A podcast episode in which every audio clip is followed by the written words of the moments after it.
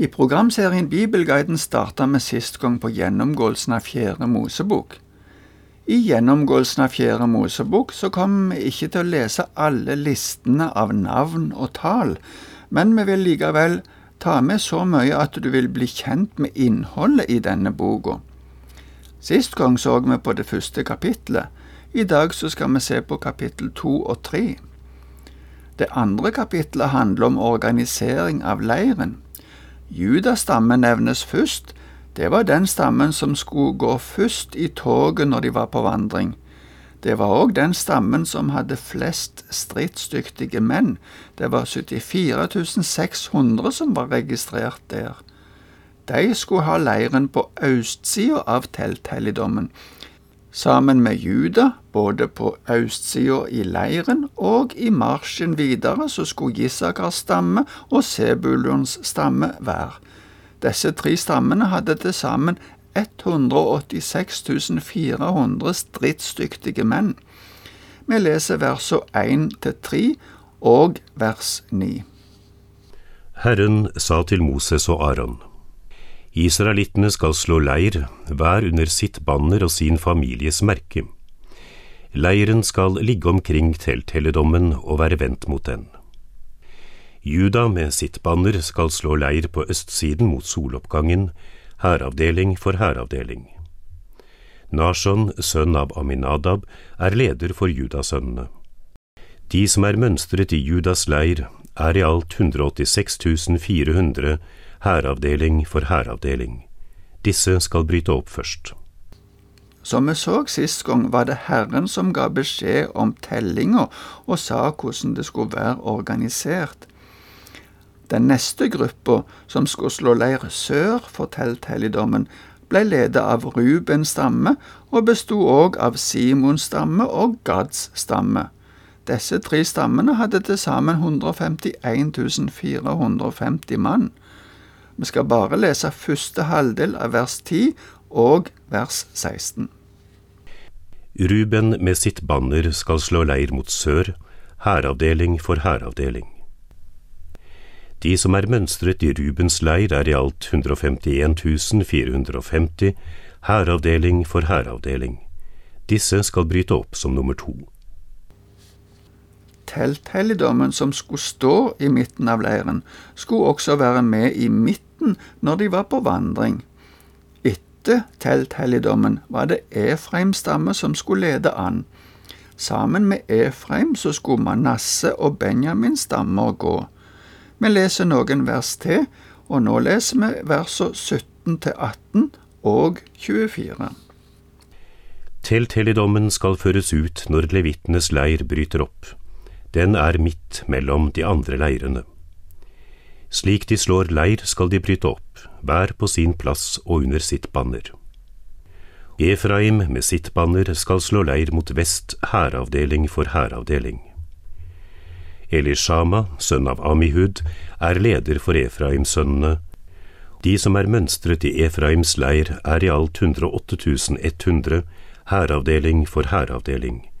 Disse skal bryte opp som nummer tre. Det var 108 100 soldater der. Helt til slutt kom Dans stamme sammen med Asher og Naftali.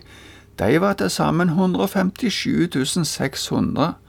Vi leser nå vers 25, og så ifra vers 31 og resten av kapittelet til 34.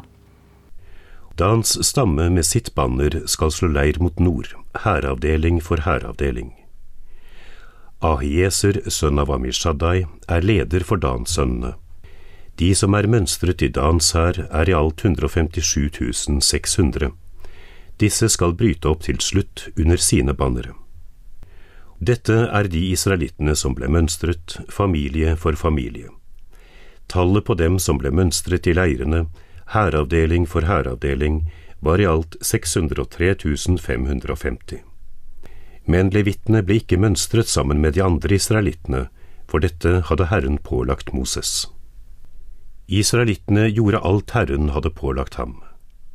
Slik slo de leir under sine bannere, og slik brøt de opp, hver enkelt med sin slekt og sin familie.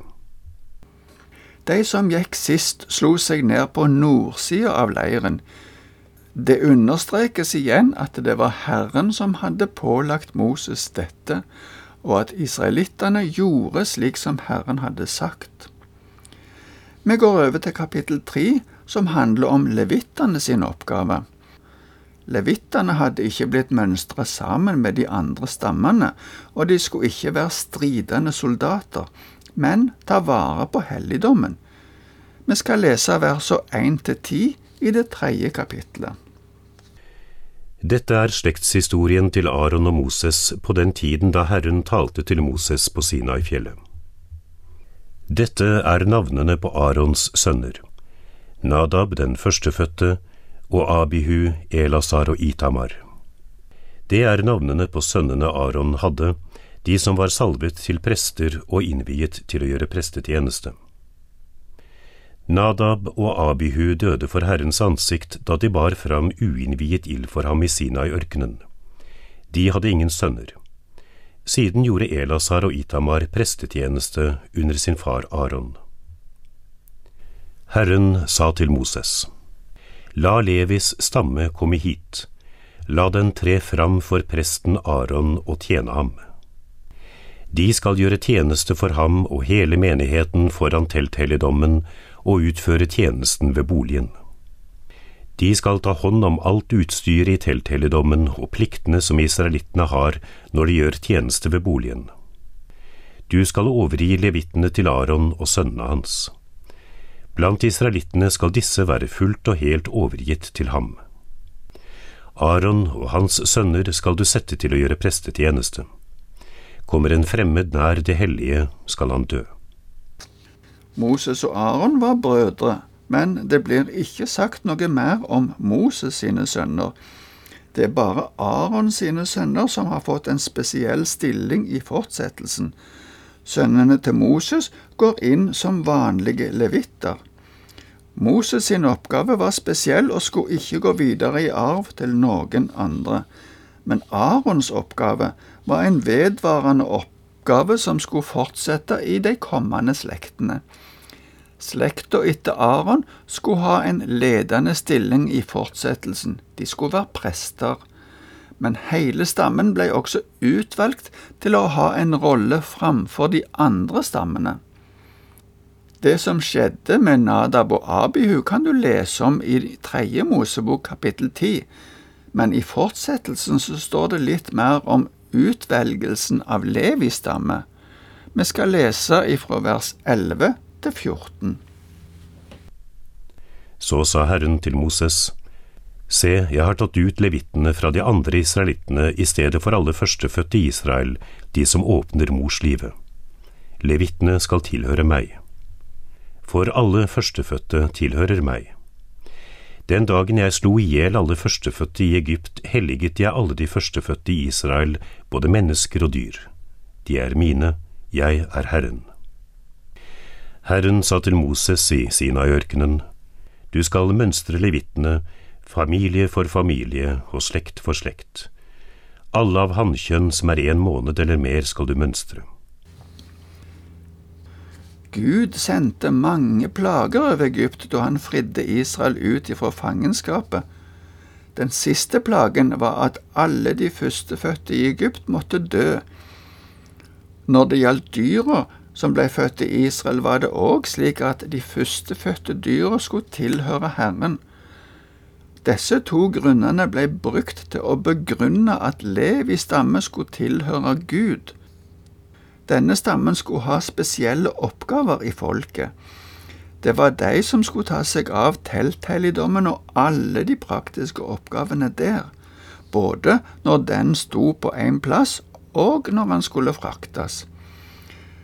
Nå ber Herren Moses om å mønstre alle levittene, vil si registrere de. I dette tilfellet var det alle som var over en måned gamle. I fortsettelsen kommer det en rekke navn, tallene på slektene og videre oppgaver som de fikk i forbindelse med transporten av helligdommen. Det kan du lese sjøl hvis du har lyst. Levittene skulle ha leiren sin rundt telthelligdommen, og på den måten også være mellom de menige israelittene og Gud. Vi leser versene 38 og 39. Moses og Aron og sønnene hans slo leir foran boligen foran telthelligdommen mot soloppgangen i øst. Det var de som utførte oppgaver i helligdommen på israelittenes vegne. Om en uinnviet kommer nær, skal han dø. Tallet på levittene som Moses og Aron mønstret på Herrens ord, slekt for slekt, alle av hannkjønn som var én måned eller mer, var 22 000. Men som nevnt skulle Levi stamme komme i stedet for de førstefødte i Israel, derfor måtte også dette telles. Vi leser verset 42 og 43. Da mønstret Moses alle førstefødte blant israelittene, slik Herren hadde pålagt ham. Tallet på alle førstefødte som ble mønstret og skrevet inn i manntallet, alt hannkjønn som var én måned eller mer, var 22 273. For de 273 flere som var førstefødte, skulle det betales inn en avgift på fem sjekel for hver av de. Disse pengene skulle Aron og sønnene hans ha. Og da slutter vi her for i dag. Neste gang skal vi se litt mer på oppgavene som levittene hadde. Takk for i dag.